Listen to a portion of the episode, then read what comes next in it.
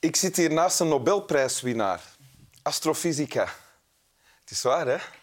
Nog niet. Er is, er- in astrofysica, daarvoor bestaat geen Nobelprijs. Nee, Maar eigenlijk ook wel, alleen heet die niet Nobelprijs. nee die, Hoe, hoe heet die prijs? nu? die heet Kavli-prijs. Kavli-prijs. En die hebt u vorig jaar gewonnen. Ja, fantastisch. Ja, hè? proficiat. Dank u wel. Connie Aert, ehm, ja, je bent dus sterrenkundige Ja. eh, voor de KUL. Ja, Maar je werkt ook in Nijmegen en Heidelberg en New York. En ja, Zoals dat gaat onder eh, eh, professoren. ja. En, ehm, en je bent asteroseismologe. ook. Juist. As- Asteroseismologie is een tak van de wetenschap die jij eigenlijk mee hebt opgericht of Ja. ontstaan, opgebouwd. mee ontwikkeld, ja, absoluut. Je hebt het ja. eerste boek geschreven ook in die... Ja, Dus een nieuwe tak van de wetenschap. ja, Ehm, ja, dat is niet niks. En asteroseismologie is de wetenschap van ehm, de aardbevingen in sterren. Dat zijn sterrenbevingen eigenlijk. Ja, sterbevingen. Ja, ja. Ja, En daar valt van alles uit af te leiden. juist. En, en het gaat dan over sterren die soms in andere melkwegstelsels staan ook, hè? denk ik. Wel ja, we, we kunnen sterbevingen alleen opmeten voor sterren in ons melkwegstelsel, maar door die te bestuderen kunnen we voorspellen wat er in andere melkwegstelsels gebeurt. Ja, ja. Ja. Het gaat zelfs zover dat je kan voorspellen of de planeten in de buurt van de sterren die je onderzoekt, of die levensvatbaar zouden kunnen zijn. Absoluut, ja. ja. En wanneer dat ze gaan eh, opgegeten worden door hun moederster, Ja. dat we kunnen berekenen hoe lang dat die gaat leven. En ooit ben je begonnen als eh, eenvoudig, eh, eenvoudige dochter van een arbeidersfamilie aan de rand van Braschaat. Klopt. Eh, bij wie door eh, meester Qui- Quirijnen Ja, meester Jeff Quirijnen. een, een talent voor rekenen en wiskunde Ja. werd ontdekt, waardoor jij in de lagere school ook al mee les, rekenles mocht geven aan de andere kinderen. Juist, ja, dat vond ik heel leuk. Ja. Ja. en er valt nog van alles te vertellen. Ja. Maar je hebt een tekst meegebracht. Ja. We gaan eerst daar naar luisteren. ja oké. De tekst die ik heb meegebracht komt uit het boek Cecilia Payne Gaposchkin, Oké. een autobiografie. En aan het eind schrijft ze... Wanneer ik terugkijk, vraag ik mijzelf af wat het verschil geweest is in mijn onderzoeksloopbaan dat ik als vrouw en niet als man geboren ben. Op intellectueel vlak maakte het niets uit. Maar wat de praktische kant betreft, heb ik vele nadelen ondervonden omdat ik een vrouw ben. Dat betreft dan lage salarissen, gebrek aan status en erkenning, veel te trage voortgang enzovoort. Maar ik heb wel hoogtes bereikt waarvan ik 50 jaar geleden nooit van had durven dromen. Dat is dankzij een attitude van doorzetten en volharding, vooral op mentaal vlak. Ik was niet bewust op weg naar de hoogtepunten die ik uiteindelijk bereikte, maar ploeterde voort, dag na dag, dankzij de schoonheid van de sterren in het heelal. Cecilia Payne-Gaposchkin. Ja, Wie was dat? Ik, ja, een wetenschapster ook. een wetenschapster, eh, geboren in 1900. Ja? En zij was gefascineerd door de sterrenhemel. Ah. Dus ik kan mij daar een beetje in herkennen. Ja. En zij wilde sterrenkundige worden. Ehm, ze studeerde in Engeland, eh, in Cambridge.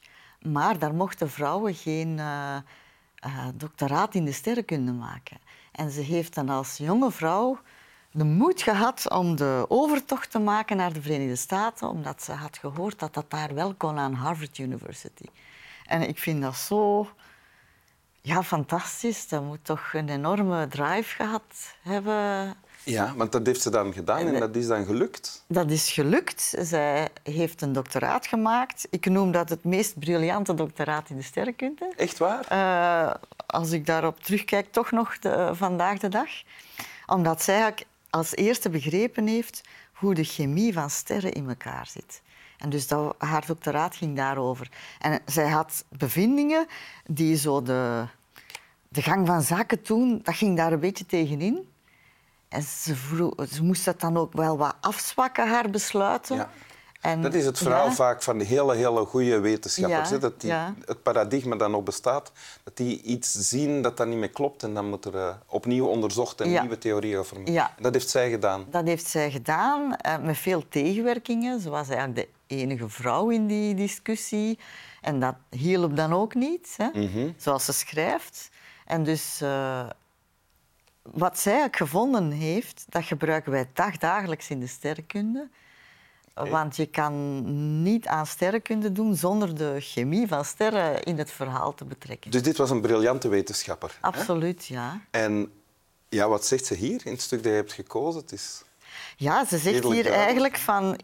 Ja, of dat ik nu vrouw ben of man, qua intellectuele voortgang maakt het niet uit. Maar het zijn al die andere beslommeringen en praktische dingen waar ik zo traag vooruit kon gaan, omdat ik ja, niet erkend was. hè. Dit gaat natuurlijk over een leven in een tijd eh, die al een tijdje gepasseerd is. Maar herken jij dit? Ik herken dit helemaal. Ja? Ja, toch Ah. wel. Ik hoopte dat je ging zeggen, maar nee, dat is voorbij. Nee, is ik waar. vrees dat, dat we daar nog niet zijn. Nee? En eh, het, het, het komt wel meer en meer onder de aandacht. Hè?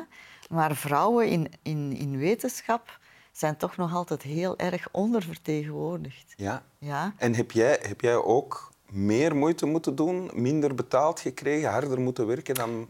minder betaald niet. Dat- gelukkig zijn we daar eh, van verlost in academia. Ja? Maar wel eh, toch moeten opboksen tegen stereotypen, tegen meningen die eigenlijk niks met de wetenschap te maken hebben, maar gewoon met het feit dat ik een, een vrouw en een moeder ben. Eh, waardoor je toch heel wat omstandigheden hebt die het niet gemakkelijk maken. En, en, en, En zijn er dan ja. zo eh, voorvallen waarvan je nu, die je nu nog altijd herinnert? Absoluut, Ja? ja. Eh, ik heb ooit een sollicitatiegesprek gedaan voor een, een, een job als, als professor. Bijvoorbeeld. Dat was in het buitenland, hè. dat was in, eh, in de UK. En ja, voor mij zaten zeven wijze grijze mannen. Beetje zoals ik. Ja, ik denk. Eh, Deftiger maar wel in een pak. Ja, ja. nee, maar dat, is, eh, dat maakte het, dan nog, maakte het nog erger toen. Hè. En die vroegen mij, eh, ja, u solliciteert hier voor een baan. Dat is geen 9-to-5-job. En u hebt kleine kinderen, hoe gaat u dat doen? en dan, dan, dan, ja, de rebel in mij liet mij dan antwoorden, stelt u die vraag ook aan mijn mannelijke concurrenten? En ik kon meteen opstappen. Het gesprek was gedaan. Dat was het einde van het gesprek. En, als eh, je dat nu zegt, word je dan terug kwaad? Ik of- word nog altijd Ja. kwaad, ja. Je ziet het misschien. weet je. ik vind het, dat is gewoon ongepast. Ja. Eh, dat is nu maar één anekdote. Ja. Die dingen kunnen nu niet meer. Maar nu gebeuren toch nog zaken in de wandelgangen die ook niet door de beugel kunnen. Zoals? Ja, ik bedoel, ze moeten geen vergaderingen plannen als je naar de kinderopvang moet, want die sluit om zes uur. En sommigen doen dat bewust, eh, daar geen rekening mee houden, zo van die zaken. Om vrouwen buiten te sluiten. Wel, dat, dat zou niet mogen, maar er zijn toch wel eh, attitudes die daar eh, nog altijd naar op weg gaan. En dat, dat kan eigenlijk gewoon niet. Het maakt je kwaad, het heeft je geïrriteerd, maar tegelijkertijd heb ik niet het gevoel dat ik naast iemand zit die bitter is. Of, Oh, nee, eh, nee, nee. Ik maak daar dan grapjes over. Hè.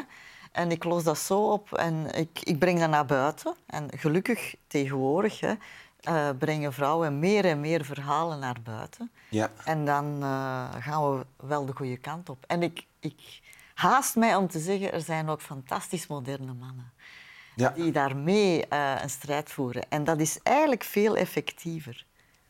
Ah ja. Ja, dus dat is, het is belangrijk om mannelijke ehm is- companen te hebben. Natuurlijk, dit is een, een, eh, een maatschappelijk gegeven Ja. wat voor mannen en vrouwen van belang is. Niet alleen voor vrouwen. Ja. Wat je hebt voorgelezen, en het, de laatste zin Ja? is... Ik ploeterde voor dag na dag dankzij de schoonheid van de sterren in het heelal. Het heelal. Dat is toch fantastisch? Is dat ook herkenbaar? Absoluut. Er is toch niks zo mooi dan het heelal. Hoe, hoe oud was jij toen je wist ik wil met sterren bezig zijn? Eh, ja, in de lagere school al. Toch Ah, ja. Op zich rond tien jaar of zo. Ja. Maar ik, doe, ik heb dat nu nog hoor. Als ik, eh, mijn vrienden en, en kinderen en familie zeggen dat allemaal. Als ik buiten ga, het eerste wat ik doe is omhoog kijken. Zelfs in België, Ah, ja. waar je dan nogal eens regendruppels. eh, ja, en lichtvervuiling ook. Maar, maar ik kijk altijd omhoog. Ah, ja. Ik vind dat ontzettend mooi. Zoals Sammy moet doen. Ja, inderdaad. Wil je het nog eens voorlezen? Ja. Heel het stukje nog eens. Ja. ja. Wanneer ik terugkijk, vraag ik mezelf af wat het verschil geweest is in mijn onderzoeksloopbaan, dat ik als vrouw en niet als man geboren ben. Op intellectueel vlak maakte het niets uit. Maar wat de praktische kant betreft heb ik vele nadelen ondervonden omdat ik een vrouw ben. Dat betreft dan lage salarissen, gebrek aan status en erkenning, veel te trage vooruitgang enzovoort. Maar ik heb wel hoogtes bereikt waarvan ik 50 jaar geleden nooit van had durven dromen. Dat is dankzij een attitude van doorzetten en volharding, vooral op mentaal vlak. Ik was niet bewust op weg naar de hoogtepunten die ik uiteindelijk bereikte, maar ploeterde voort, dag na dag, dankzij de schoonheid van de sterren in het heelal. Dank u. Graag gedaan. Slaap wel.